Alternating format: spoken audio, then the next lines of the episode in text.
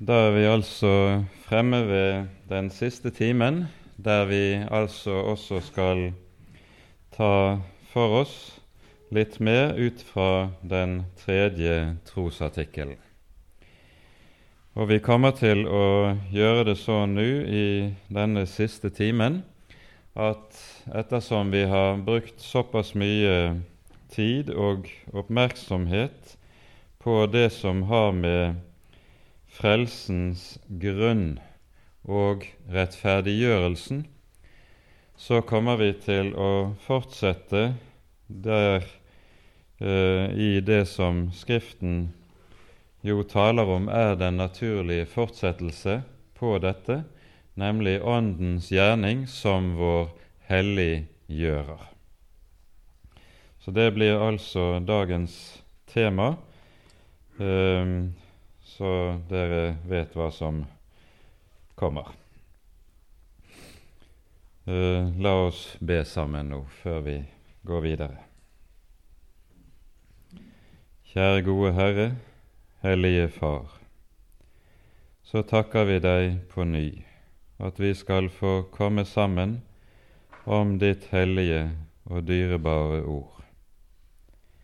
Takk, Herre, at du selv møter oss igjennom dette ditt ord, at du selv trer frem for oss og gjør din gjerning i våre hjerter og i våre liv.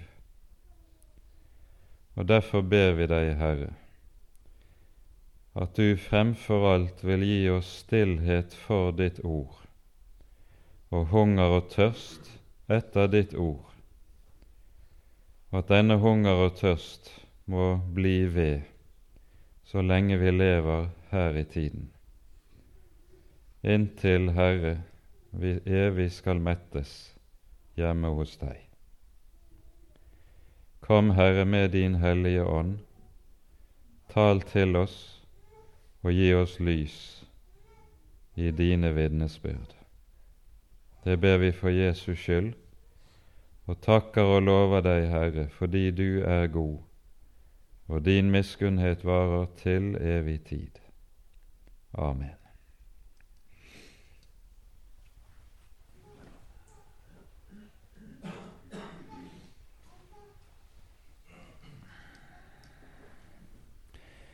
Når vi taler om Den hellige ånd, jeg tror på Den hellige ånd, så er det jo også med denne tale slik at Det nye testamentet taler meget om hvorledes Ånden bor i de troendes liv og i de troendes hjerter. Vet dere ikke at dere er et tempel for Den hellige ånd, sier Paulus til menigheten i Korint.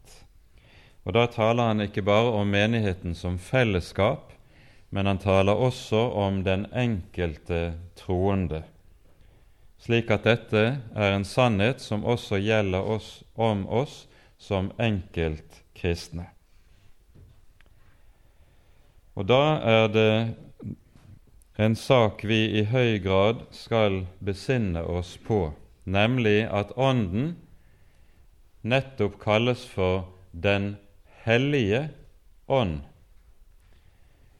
Den, denne tredje person i Gud har altså fått knyttet til seg det særlige navnet at han kalles Den hellige ånd. Og det henger høyst sannsynlig sammen med det at der Ånden kommer inn, der skapes og virkes der hellighet i menneskenes liv og i menneskenes hjerter. Ånden kaller vi jo gjerne for helliggjøreren.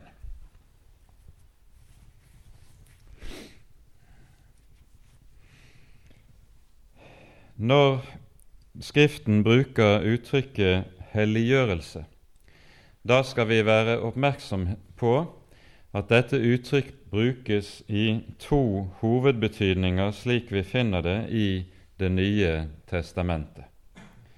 For det første brukes det i den hovedbetydning at det betegner hele Guds gjerning i en kristen. Både når det gjelder omvendelse, rettferdiggjørelse, gjenfødelse og så den videre gjerning som Ånden utfører når det er tale om den kristne vekst i våre liv. Slik brukes f.eks.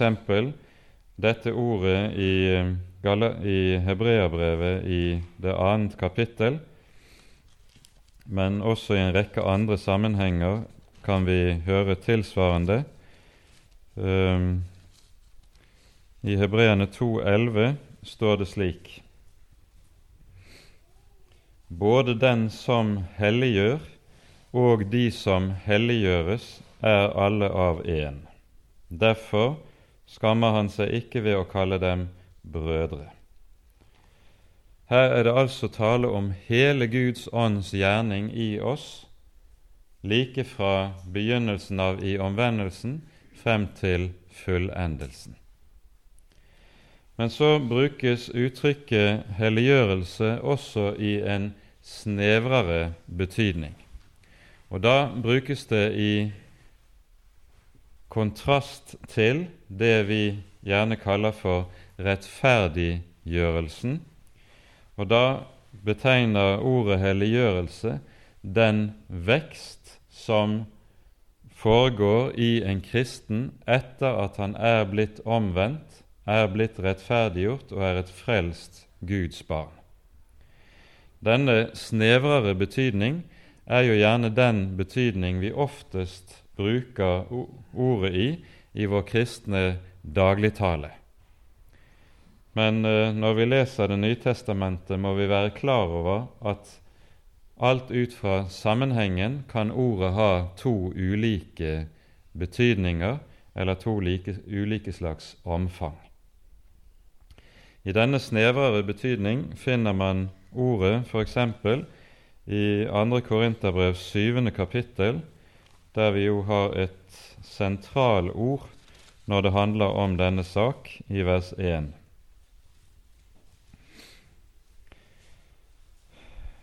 Ettersom vi da har disse løfter, mine elskede, så la oss rense oss fra all urenhet på kjød og ånd, og fullende vår helliggjørelse i Guds frykt. Og Her ser vi klart og tydelig hvorledes ordet altså betegner den kristne vekst, Åndens gjerning, for å hellige oss med tanke på våre liv. Og Her er det altså vi også stilles frem for noe som er kanskje den aller viktigste kunst og lærdom for oss som kristne.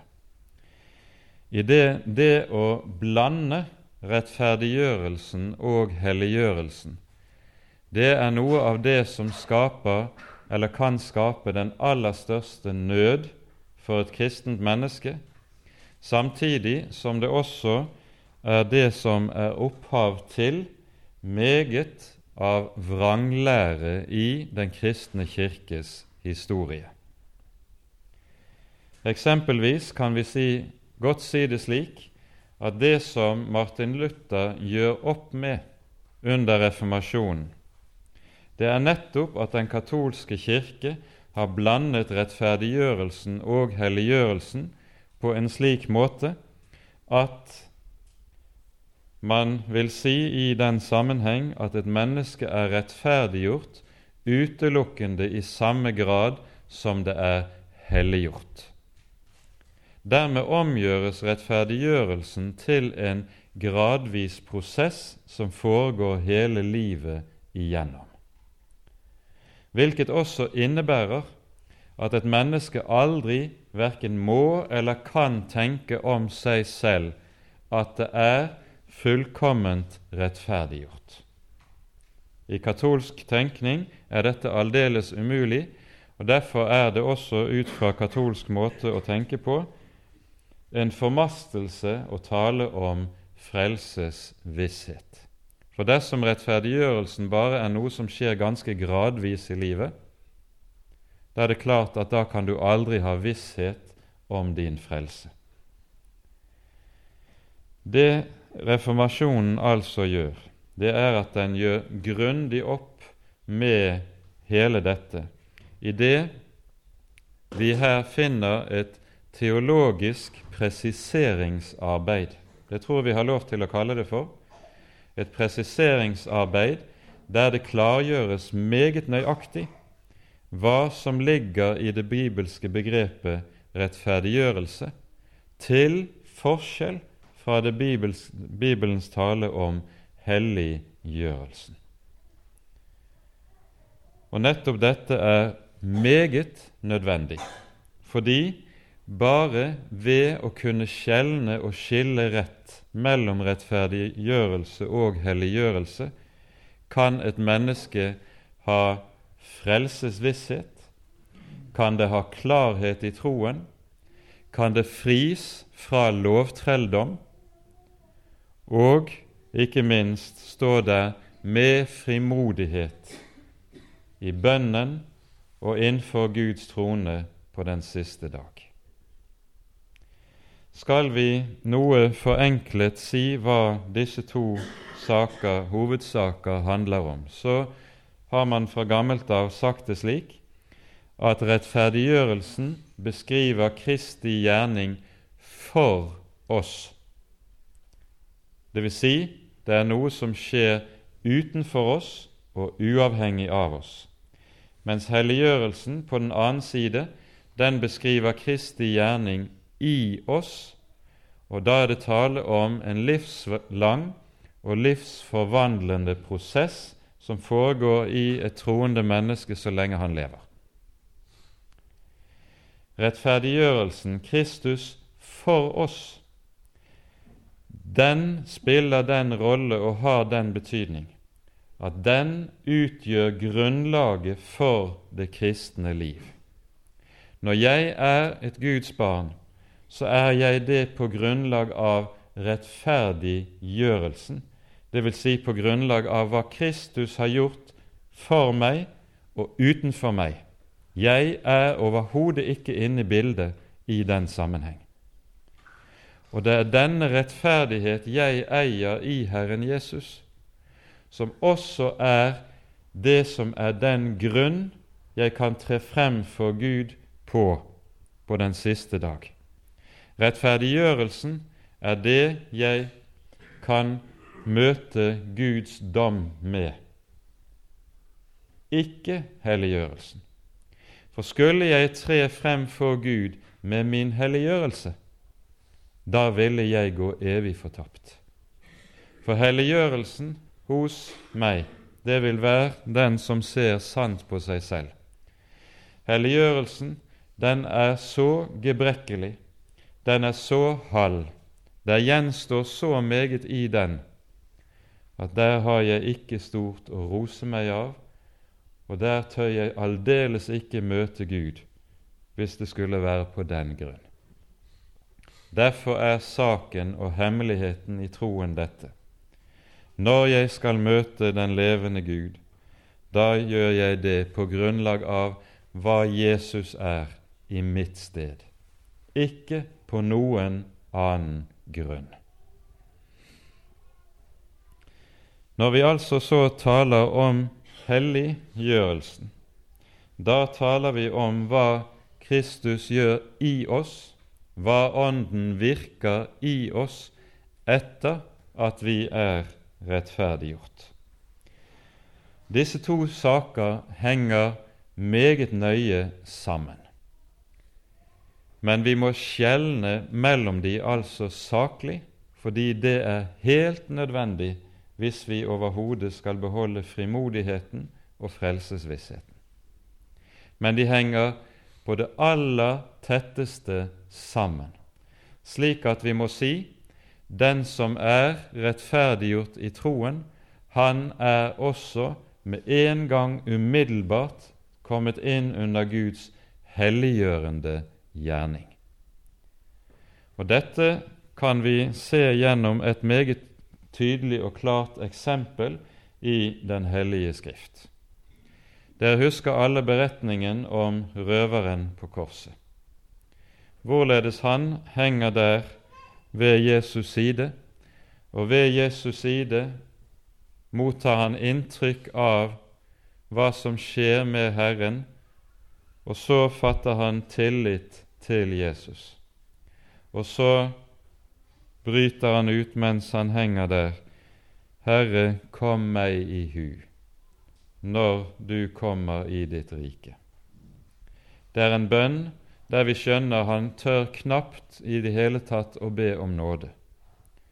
Her henger han og vet meget godt at når han lider dommen til døden, så er det på vel fortjent.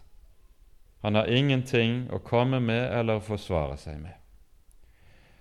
Og så spotter den annen røveren Herren Jesus, hvorpå denne første irettesetter sin felle og sier:" Frykter du ikke engang Gud, du som henger under samme dom? Og her er det vi møter den forunderlige erkjennelse at røveren sier her at han her henger under samme dom som Jesus, som er Gud. Han sier altså rett ut at her henger Gud under samme dom som han som er røver. Hvilken erkjennelse! Og så kommer bekjennelsen til Jesus. Herre, kom meg i hu når du kommer i ditt rike. Denne bekjennelse er det første skritt i et menneskes helliggjørelse. Denne røveren kunne ikke på noe vis gjøre godt igjen hva han hadde forbrutt i sitt liv.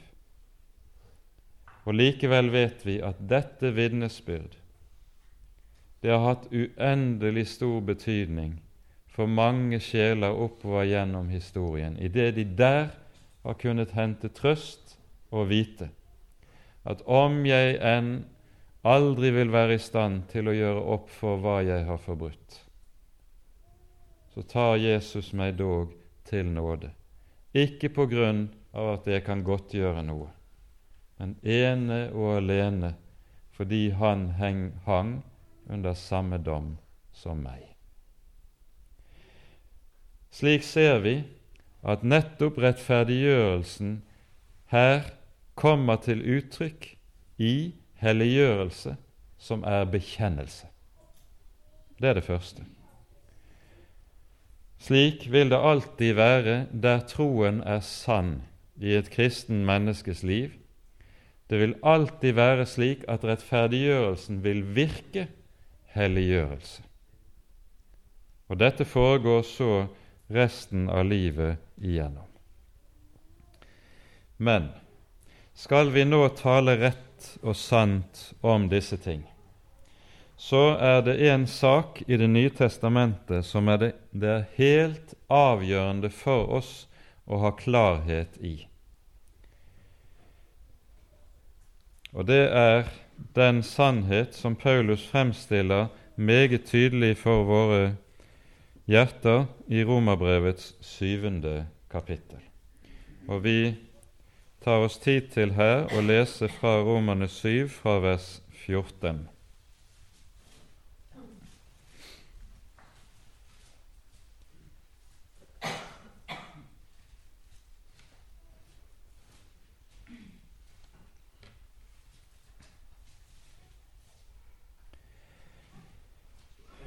For vi vet at loven er åndelig. Jeg derimot er kjødelig, solgt under synden. For hva jeg gjør, vet jeg ikke. For jeg gjør ikke det som jeg vil, men det jeg hater, det gjør jeg. Men gjør jeg det jeg ikke vil, da vitner jeg jo med loven at den er god. Men nå er det ikke mer jeg som gjør det, men synden som bor i meg. For jeg vet at i meg, det er i mitt kjød, bor der intet godt, for viljen har jeg, men å gjøre det gode makter jeg ikke. For jeg gjør ikke det gode som jeg vil, men det onde som jeg ikke vil, det gjør jeg. Men gjør jeg det som jeg ikke vil, da er det ikke mer jeg som gjør det, men synden som bor i meg. Så finner jeg da den lov for meg, jeg som vil gjøre det gode, at det onde ligger meg for hånden. For jeg har lyst til Guds lov etter mitt innvortes menneske, men jeg ser en annen lov i mine lemmer, som strider imot loven i mitt sinn og tar meg til fange under syndens lov, den som er i mine lemmer. Jeg elendige menneske, hvem skal fri meg fra dette dødens legeme? Gud være takk ved Jesus Kristus, vår Herre. Så tjener jeg da Guds lov med mitt sinn, men syndens lov med mitt kjød. Det vi her ser, er hvorledes apostelen tegner ut det at en kristen han er to personer på én og samme tid. Denne sannhet kommer Paulus tilbake til i flere av brevene sine, men ingen andre steder maler han dette ut såpass bredt som han gjør det her i Romerbrevet. En kristen er, så sant han er født på ny, så er han to personer på én og samme tid. Han er på én og samme tid gammelt menneske og nytt menneske. Og Det som da er helt avgjørende å være klar over når det gjelder denne sak, det er at disse to personer er helt og fullt fullstendige personer. Det er ikke slik at det så å si er kommet en skillelinje i meg idet halve meg nå er ond, og det gamle mennesket og halvparten, den andre halvparten er god og består av det nye mennesket. Og så skal helliggjørelsen likesom bestå at det blir mindre og mindre av den onde halvpart og mer og mer av den gode.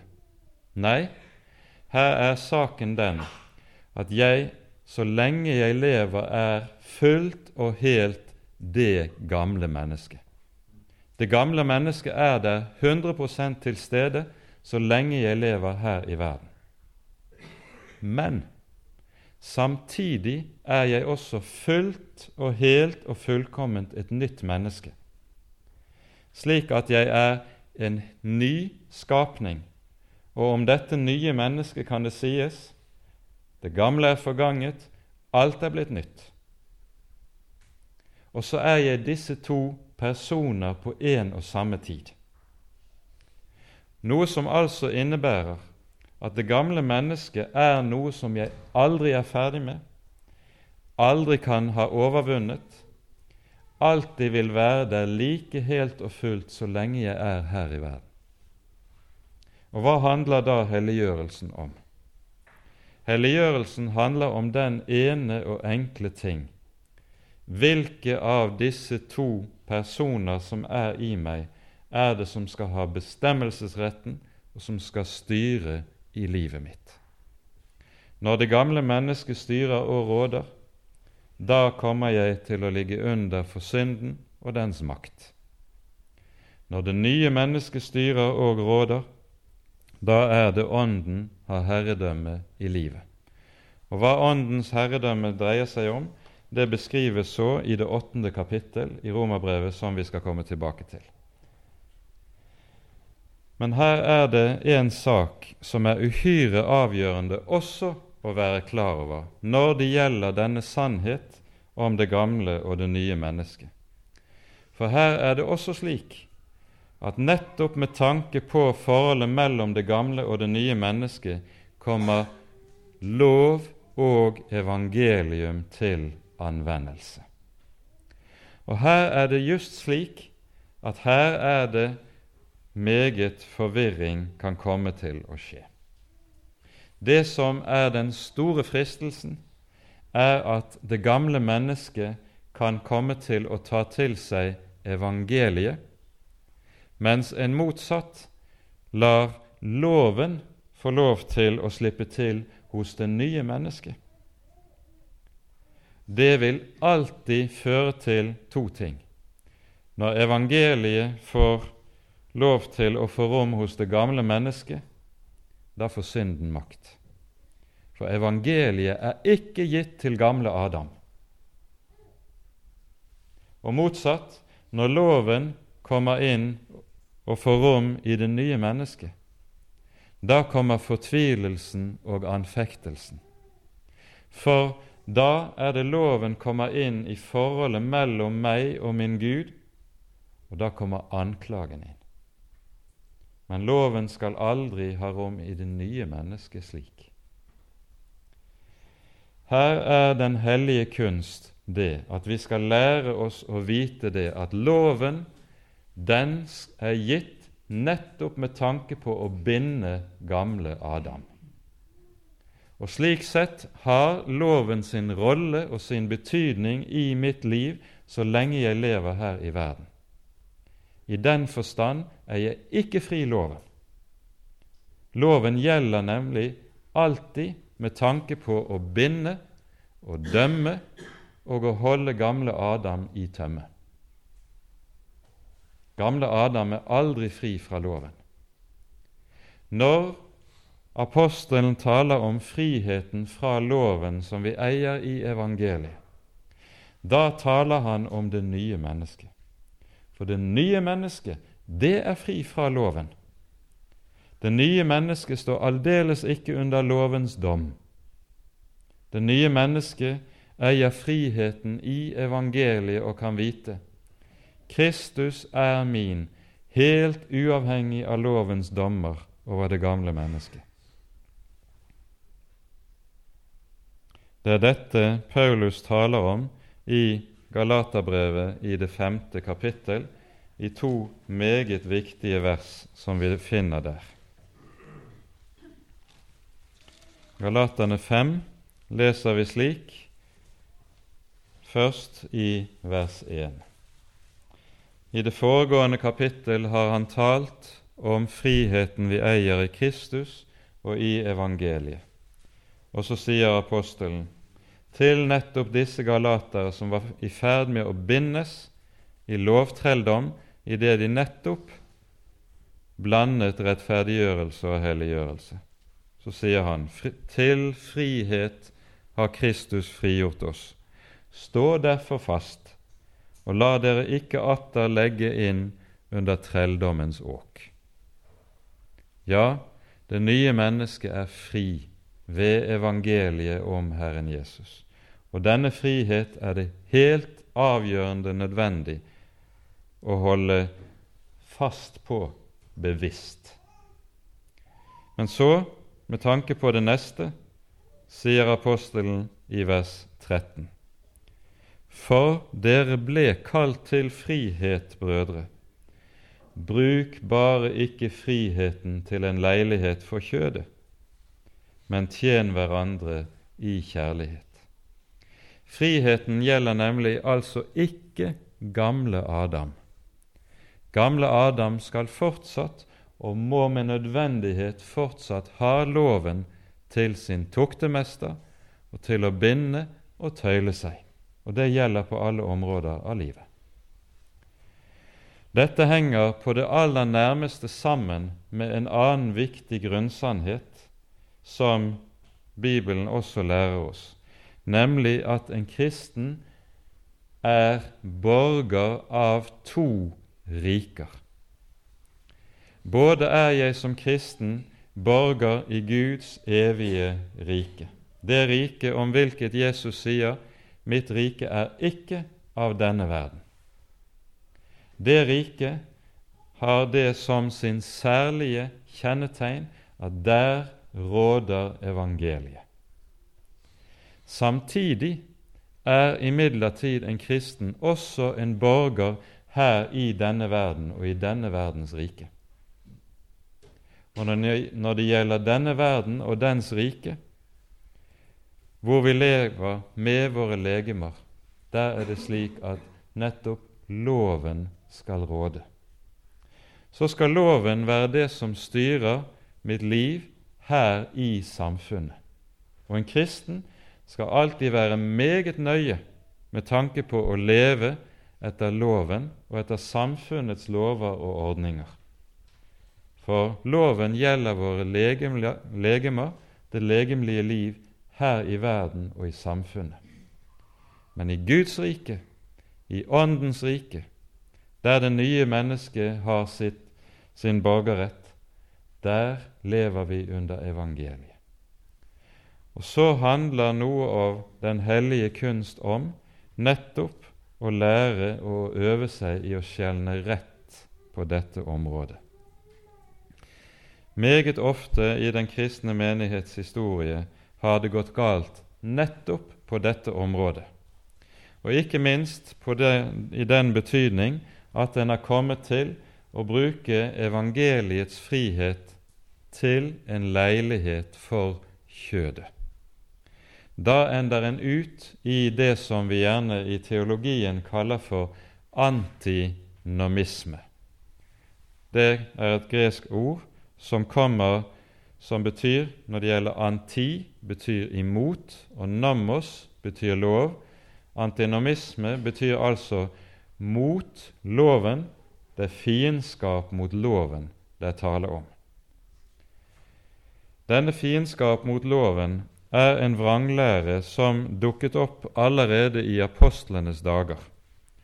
Og Den hører vi omtalt i Det nye testamentet, eksempelvis i Judas brev, der vi leser slik i det fjerde verset, etter at apostelen her har formant de troende til å stride for den tro som en gang var dem overgitt, så kommer han nærmere inn på hva det er for slags avvik som nå de står overfor. I vers 4 leser vi:" For noen mennesker har sneket seg inn som denne dom allerede for lenge siden er oppskrevet for, ugudelige som forvender vår Guds nåde til skamløshet og nekter vår eneste hersker og Herre, Jesus Kristus. De forvender Guds nåde til skamløshet.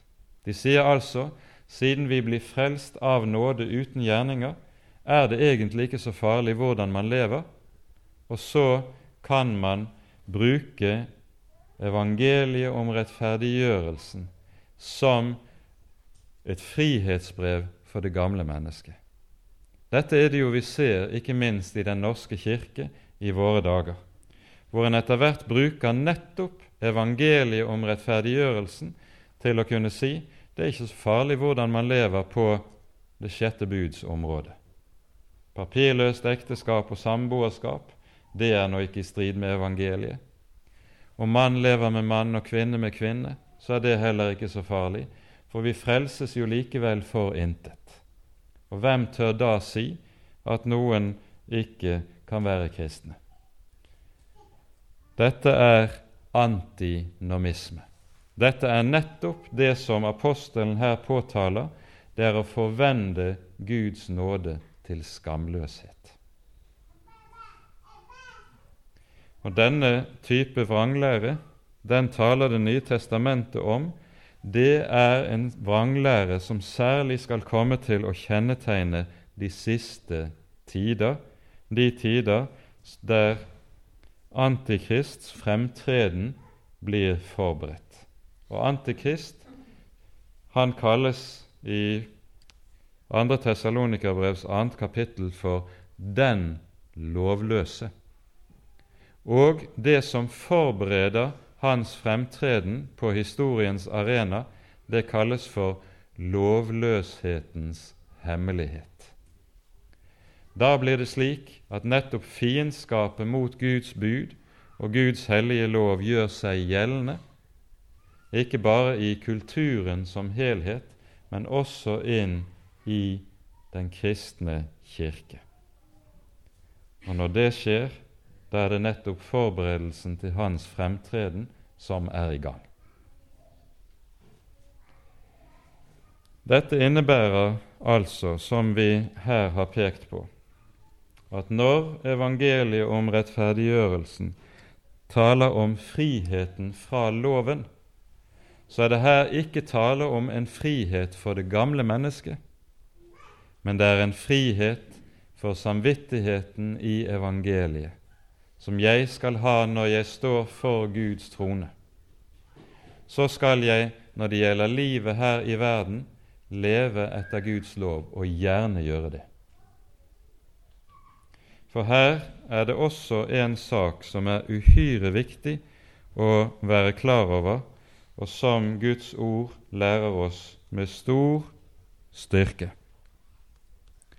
Når nemlig evangeliet kommer inn og føder et menneske på ny, slik at det skapes et nytt menneske, da fører det til noe ganske bestemt, som vi tydelig hører i profetiene om den nye pakt i Det gamle testamentet. Vi leser hos profeten Esekiel i det 36. kapittelet.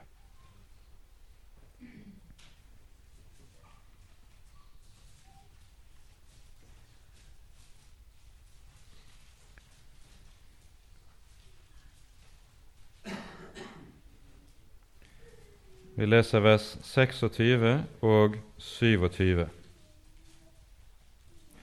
Jeg vil gi dere et nytt hjerte, og en ny ånd vil jeg gi inn i dere. Og jeg vil ta bort steinhjertet av deres kjød og gi dere et kjødhjerte.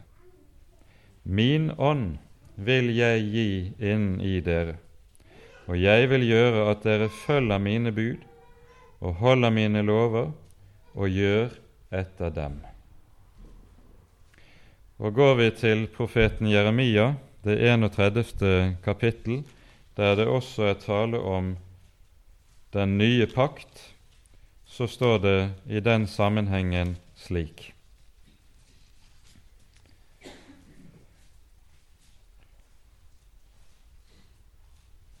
Vers 33 nøyer vi oss med å lese. Dette er den pakt jeg vil opprette med Israels hus etter de dager, sier Herren. Jeg vil gi min lov i deres sinn og skrive den i deres hjerter. Og jeg vil være deres Gud, og de skal være mitt folk. Det som skjer med den nye fødsel, det er at Guds hellige lov altså ikke bare, sånn som i den gamle pakt, er innskrevet på steintavler, slik Moses mottok dem på Sinai.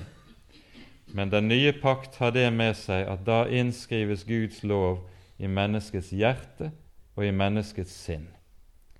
Og hva det konkret betyr, det er nettopp det apostelen Paulus sier i Romerbrevets syvende kapittel. For hva er det han sier der? Jeg har lyst til Guds lov etter mitt innvortes menneske. Det gamle mennesket, det har slett ikke lyst til Guds lov. Er det noe det gamle mennesket ikke vil vite av, så er det nettopp Guds hellige lov. Nei, det nye mennesket, det vil meget gjerne følge og leve etter Guds hellige lov. Problemet er vi har også et gammelt menneske hos oss. Men jeg ser en annen lov i mine lemmer, som strir imot Guds lov i mitt sinn, slik at det gode som jeg ikke vil, det gode som jeg vil, det gjør jeg ikke, og det onde som jeg ikke vil, det gjør jeg. Og så lever en kristen i nettopp dette spenningsfeltet. For dette er også en kristens lidelse og anfektelse. Jeg ser loven i mine lemmer, som kjemper imot loven i mitt sinn. Og stadig bringer den meg til fall. Stadig på ny snubler jeg. Stadig gjør jeg det jeg ikke skulle gjøre. Og så ser vi ikke minst det som er de alvorligste av alle syndene som en kristen kanskje gjør, det er våre unnlatelsessynder. Det gode vi skulle ha gjort, det lot vi være. Dette er en kristens lidelse og smerte. I denne sammenheng er det også helt avgjørende å være klar over en annen sak. For når det gjelder lovens og evangeliets rolle i helliggjørelsen, så er det meget lett å tenke slik at skal det virkelig bli sving på helliggjørelsen hos oss som kristne, så vil det være, er det nødvendig å forkynne loven mye og skarpt og klart. Og så skal man legge vekt på formaningene og på formaningsforkynnelsen hvis det skal bli noe av helliggjørelsen i våre liv. Da skal vi vite loven kan nok kreve helliggjørelse av oss, men loven kan aldri virke helliggjørelse. Og Her er det vi har den store hemmelighet i Guds ord at det eneste som kan virke helliggjørelse i en kristens liv, det er evangeliet slik det er gitt oss om hva Jesus har gjort, og om hvem Jesus er. Og La oss nå se på et par steder som nettopp understreker dette med stor klarhet. Først minner vi igjen om det ordet som vi allerede har lest i 2. Korinterbrev 7, 1. Legg merke til hva vi leser der. Det står Ettersom vi da har disse løfter, mine elskede, så la oss rense oss fra all urenhet på kjød og ånd og fullende vår helliggjørelse i Guds frykt. Når det er tale om løftene her, så er løftet det er nettopp en betegnelse på evangeliet. Ettersom vi da har slike løfter, så la oss fullende vår helliggjørelse. Det nemlig som virker og gir kraften i helliggjørelsen, det er ikke loven, det er evangeliet. Det er hemmeligheten. Og Samme sak ser vi Likeledes i Titus brev i det annet kapittel. Her står det slik i vers 11 og 12.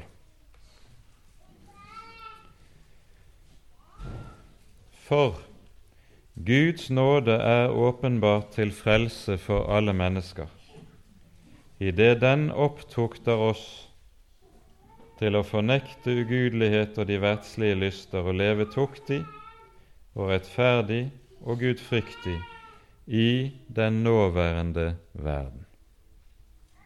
Hva er det som opptukter oss til alt dette som godt er i samsvar med Guds hellige lov? Er det loven? Nei, det står Guds nåde er åpenbart. Den opptukter. For dette er altså den store og egentlige hemmelighet i dette. Det som virker helliggjørelse, det er evangeliet. Og Derfor er det også slik at stiller vi spørsmålet hvordan kan helliggjørelsen få fremgang i våre liv, så er svaret på dette utelukkende på én måte ved at du bruker nådens midler. Helliggjørelse kommer ikke av at du strever med deg selv. Å streve med seg selv under loven, det er alltid fruktesløst. Nei, helliggjørelsen, den virkes på én måte ved å bruke nådens midler flittig. Derfor er det slik at helliggjørelsens hemmelighet den er gitt oss også i det enkle, sentrale ordet som vi finner hvor det taler om de første kristne i apostelgjerningene 2. Hva kjennetegnet dem? Det står alle de troende de holdt trolig fast ved apostlenes lære, ved bønnene, ved samfunnet, ved brødsbrytelsen.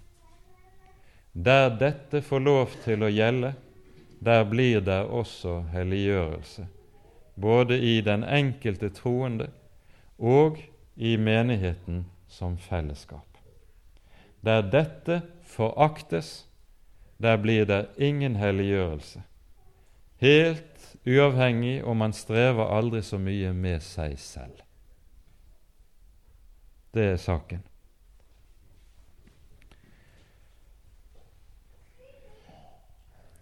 Dermed er vi altså fremme ved noe som vi var inne på allerede i går. Sann kristendom er alltid nådemiddel kristendom.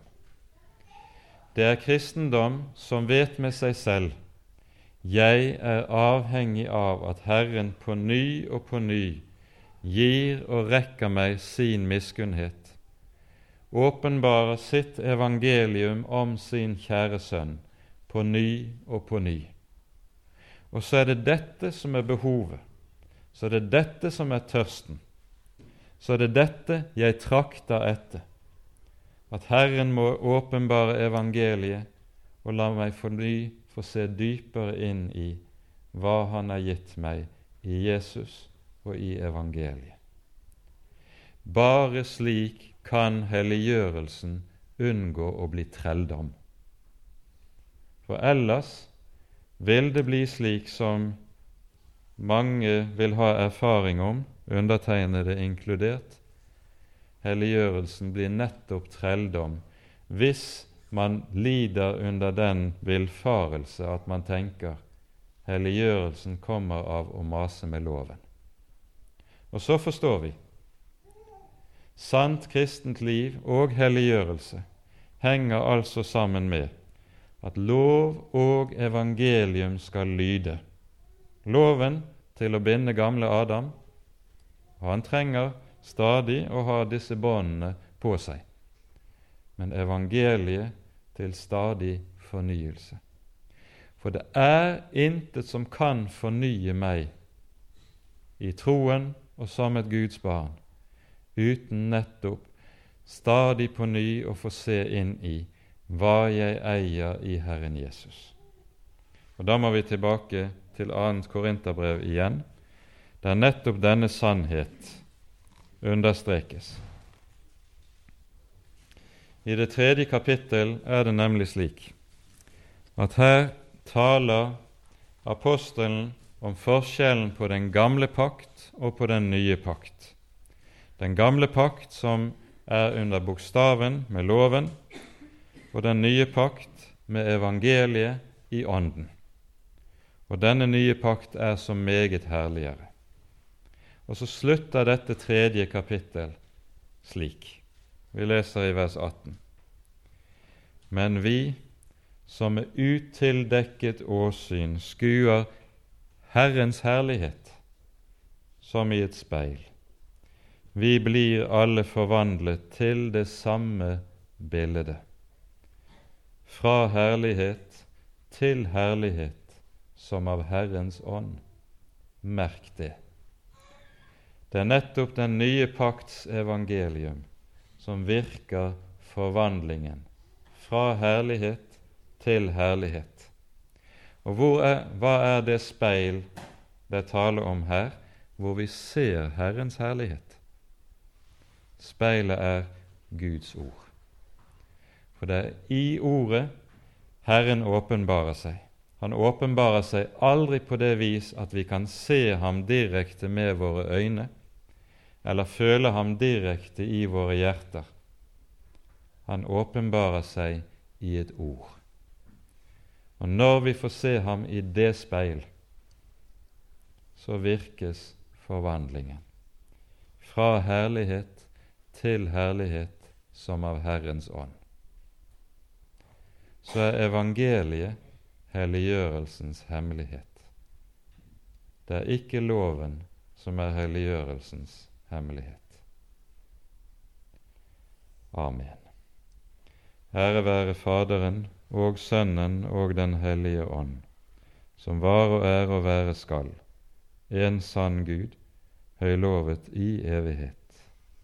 Amen. Ja, vi sier inderlig takk.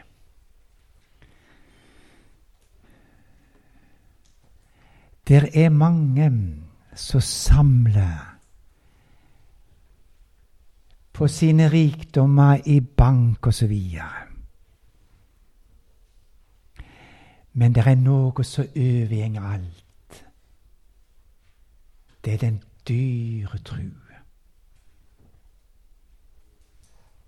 Og denne tru får sin vokster under ordets forkynnelse. Så har vi vært samla på Ognatun disse dagene. Og det er gitt mer enn sølv og gull. Men du er finger av det mest dyrebare. Sitt inn i Ordet sine evige rikdommer. Det er Herren vi må takke for dette. Nå synger vi på 530.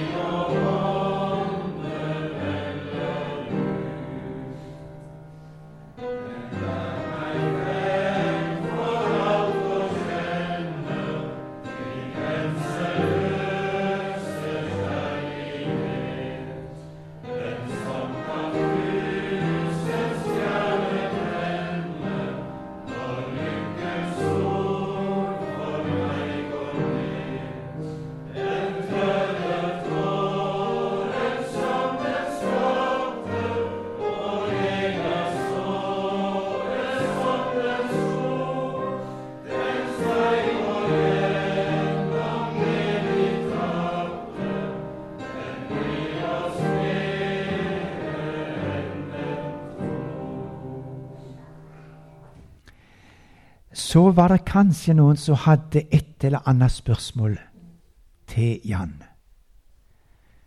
Det skal du få lov til å stille han nå.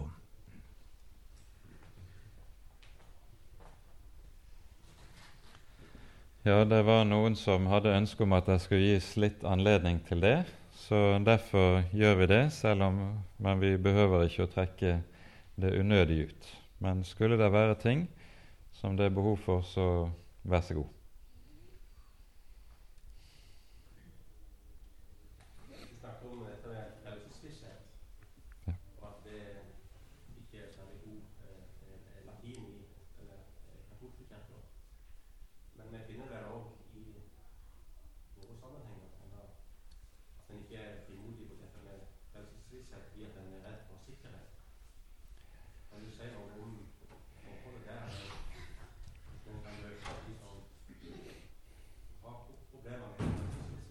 Ja. Eh, det spørsmålet altså dreier seg om, er hva er forskjellen på frelsesvisshet og det som vi gjerne kaller for sikkerhet eller falsk sikkerhet. Og Forskjellen på det er rett og slett øynenes retning. Eh, frelsesvissheten har det med seg at den ser alltid på en annen enn seg selv. Frelsesvissheten den fortviler over seg selv. Så, men så har den fått lov til å høre et budskap om at det en annen har gjort, det er tilstrekkelig både til å leve på og til å dø på. Og når en da får lov til å gripe det og fatte om det, slik at en frimodig får si 'ja, dette er nok', da er det det som er frelsesvisshet. Men sikkerheten, den har det med seg at den ser på seg selv og tenker som så at den er noenlunde fornøyd med sin helliggjørelse. Jeg har i grunnen lykkes ganske bra både med mitt bønneliv og min bibellesning. Jeg har sluttet å banne og oppføre meg noenlunde skikkelig og gjøre rett og skjell for meg i samfunnet. Ingen skal ha noe å klage meg for. Sikkerheten, den ser på seg selv og tenker fordi jeg i grunnen er et, har gjort det jeg skulle gjøre, derfor kan, har jeg intet å frykte den siste dag. Det er den store forskjellen. Og Derfor er det også slik at det som er lovens oppgave etter gammel sjelesørgerisk eh, visdom, det er at loven alltid skal ta mål av seg og treffe den sikre. Den skal knuse den sikres selvtilfredshet. Det er lovens mål. Loven er aldri gitt for å ta frimodigheten fra den som trøster seg til Herren Jesus, men den er gitt for å knuse den sikre. Så du kan godt si det sånn at forskjellen på disse to består rett og slett i hvor er øynene rettet.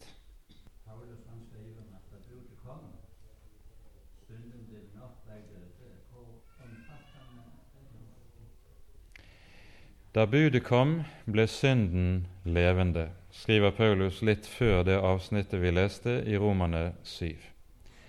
Og Det Paulus beskriver her, det er jo sin egen erfaring. Han sier at i forkant av det så levde han en tid uten lov. Og med det men, mener han eh, nærmere bestemt sin tid som fariseer. Det kan synes nokså underlig at han beskriver tiden som fariseer, at han levde uten lov. For hele fariseismen bestod jo i å prøve å oppfylle loven. Men nå betegner Paulus her altså livet som fariseer at han levde uten lov. Hvorfor gjør han det?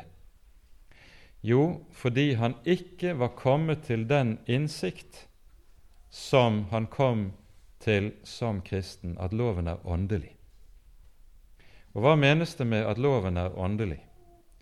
Jo, med det menes det at loven krever ikke bare Når Luther taler om dette, sier han det slik loven krever ikke bare min fot eller min arm og sier til hånden 'gjør sånn', eller munnen 'si slik', eller foten 'gå dit'. Loven krever mitt hjerte. Det er ikke så vanskelig å etterleve Guds lov med det ytre mennesket og dermed leve noenlunde tekkelig og ordentlig. Et menneske kan godt leve slik og bli meget selvrettferdig og aldri komme i syndenød. Da lever det dypest sett uten lov. For når loven er åndelig, så menes det med det at loven først og fremst krever vårt hjerte. Den sier ikke bare 'du skal ikke slå i hjel', dvs. Si ytre sett, men den sier også 'du skal ikke begjære'. Den sier altså at selve det å ha lyst til å gjøre synd også er synd. Den krever mitt hjerte, og den krever med andre ord fullkommenhet av meg. Det var en sannhet som gikk opp for apostelen da han lærte Jesus å kjenne. Da kom loven. Og når det begynner å skje hos et menneske, at det ikke bare prøver å la være å leve som en stor synder ytre sett, men at det begynner å prøve å bøye hjertet sitt etter Guds vilje, da begynner du å erfare og merke noe. Hjertet er umulig å rå med. Da blir synden levende. prøver du å bøye ditt eget hjerte ved hjelp av Guds lov, så skal man sannelig få merke at da blir synden levende. Og den som har levet en stund i lovtrelldom under det, han vet hva det handler om. Så det er det som apostelen taler om i den sammenheng. Han lærte altså å se dette, at loven er åndelig, og så fører det til den følge.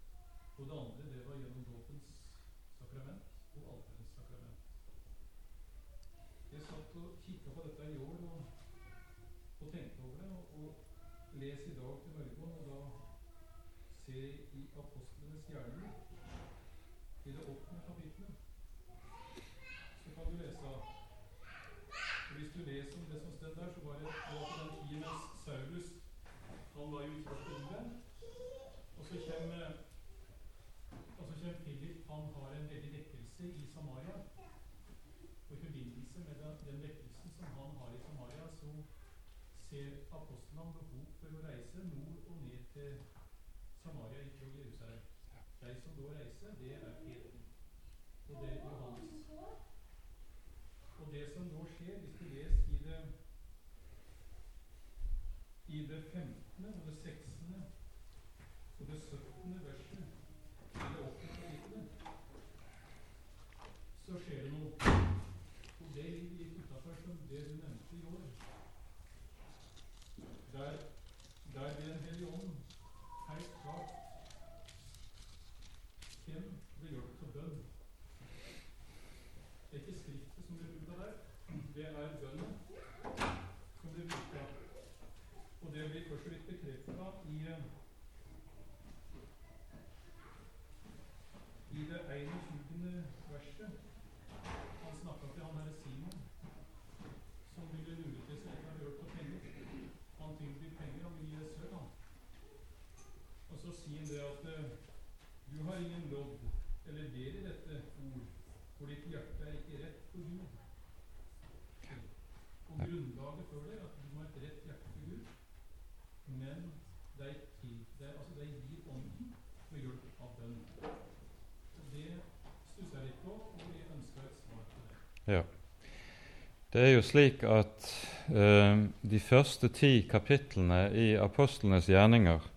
hvor det er tale om eh, Den hellige ånds komme og den første kristne misjon.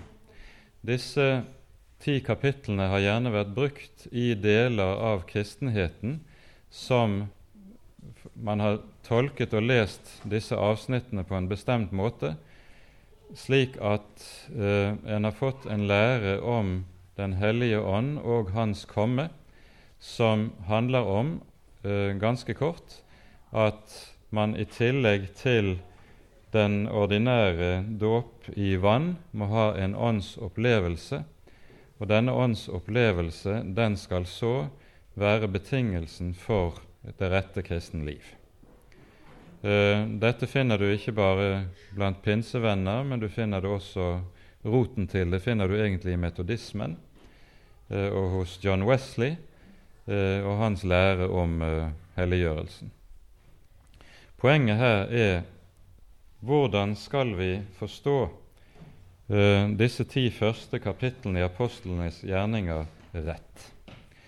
Og Det som jeg tror er saken her, det er at tolkningsnøkkelen til uh, denne delen av Skriften finner vi i apostelgjerningene 1.8. Der står det at Jesus sier til disiplene før, de, uh, før sin himmelfart dere skal bli i Jerusalem og vente på kraften fra det høye, og så uh, skal dere forkynne evangeliet fra Jerusalem og Judea til Samaria og like til jordens ender. Og Det som da er poenget, det er at når Den hellige ånd kommer, så kommer han eh, Eller for å si det litt annerledes Når evangeliet forkynnes, så er det slik at evangeliets forkynnelse brer seg så, like som ringer i vann. Først forkynnes det i Jerusalem, Judea. Så går det ut til Samaria, som er neste stadium, og dernest til hedningene, som er det siste stadium, og da like til jordens ender. Og Da er poenget at ved hvert av disse tre stadier så gis Den hellige ånd på en særskilt måte.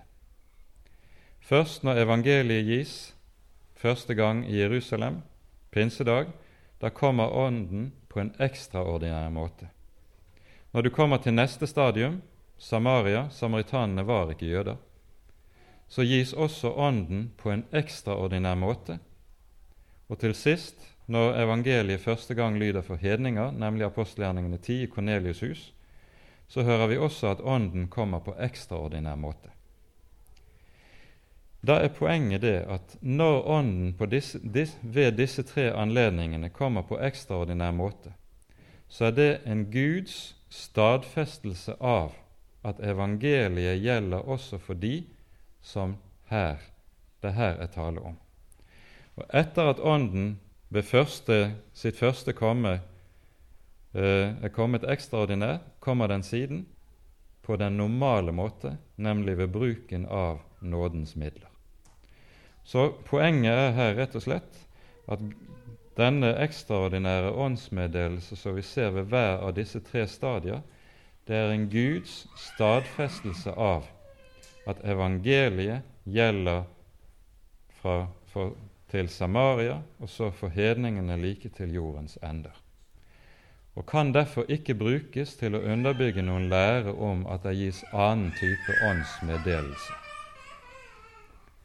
skal vi nemlig eh, danne oss en læremessig oppfatning om hvorledes vi får Den hellige ånd, så må vi se til det til de læremessige avsnitt i Skriften, og så bygge teologi på det.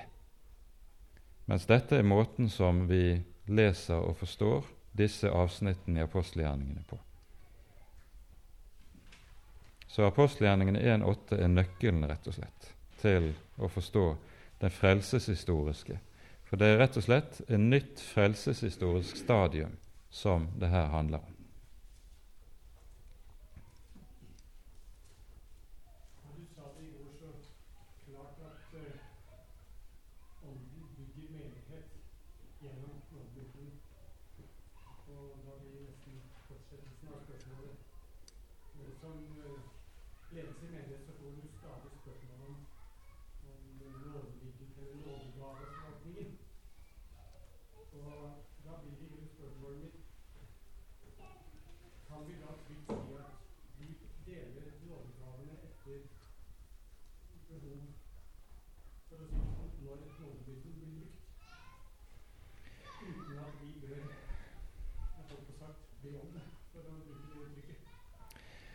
Jeg tror i høy grad at vi har lov til å be om nådegaver.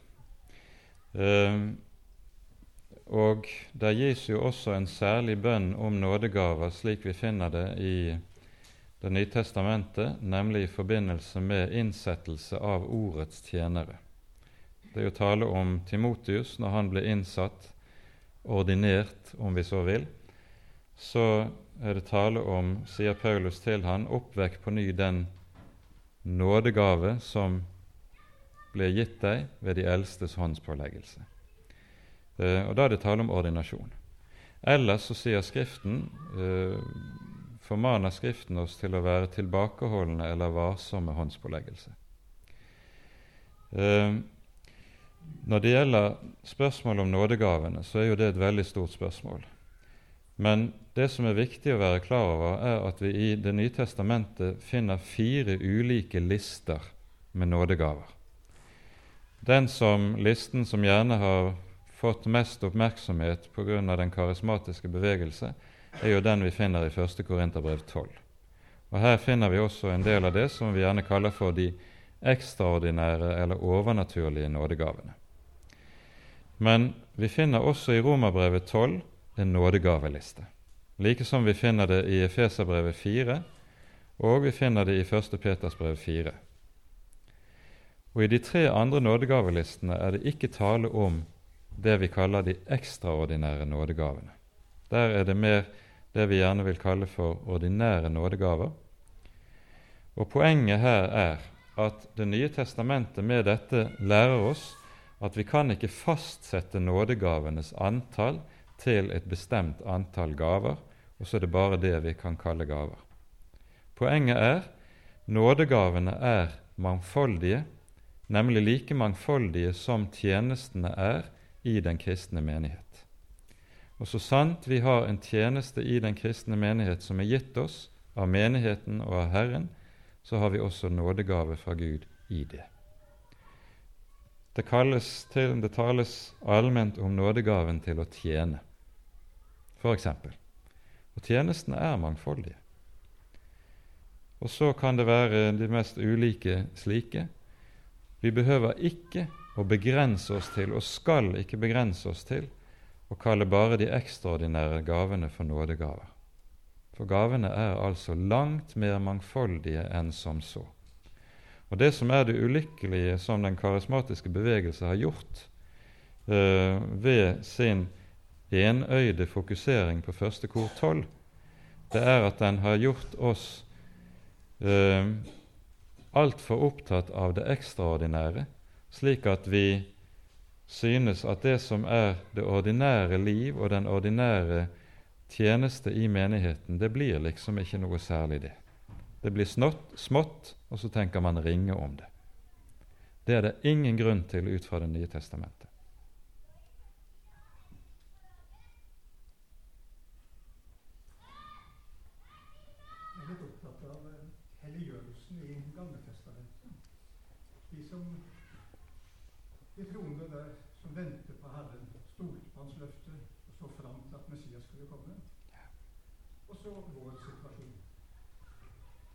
Mange ganger så kan vi få inntrykk av at, uh, at i Gammeltestamentet så ble det frelst ved loven.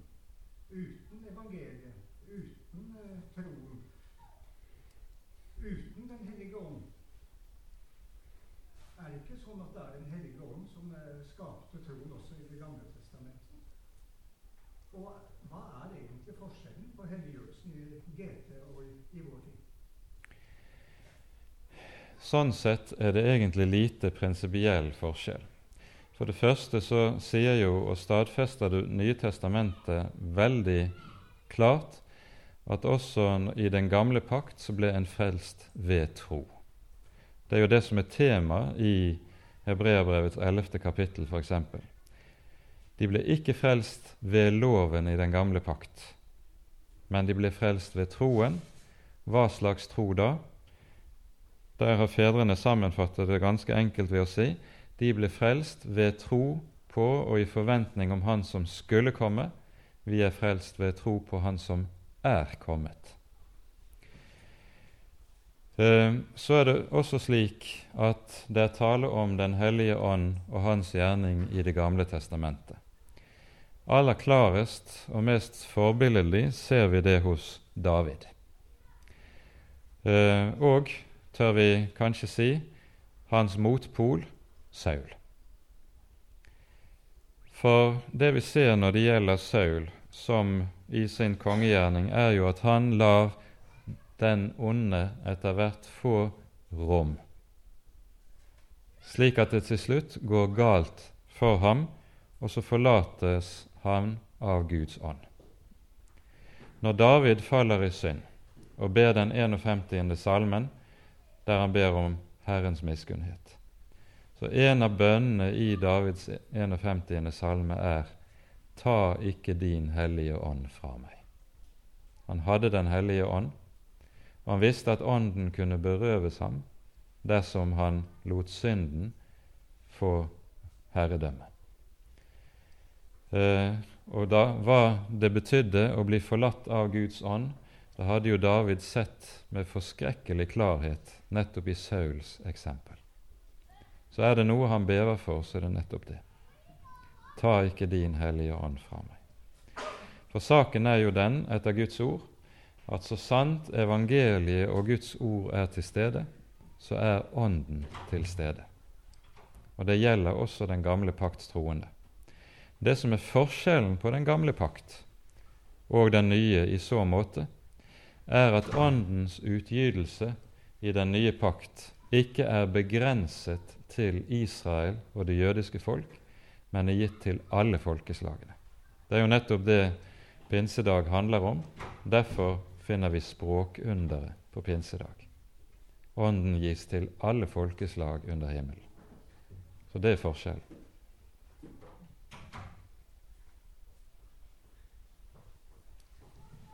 Jeg lurer på om det fins noe vers i Bibelen som sier klart ifra om at barnedåp er rett? For det spørsmålet har jeg fått sjøl. Det syns jeg er vanskelig. Det et gal det jeg kan svare på det, det er å si at det er en gal spørsmålsstilling. Eh, fordi det som Jesus sier, det er 'gå ut i all verden og forkynn evangeliet'. Den som tror og blir døpt, skal bli frelst. Og i Matteus 28 eh, 'gå ut og gjør alle folkeslag til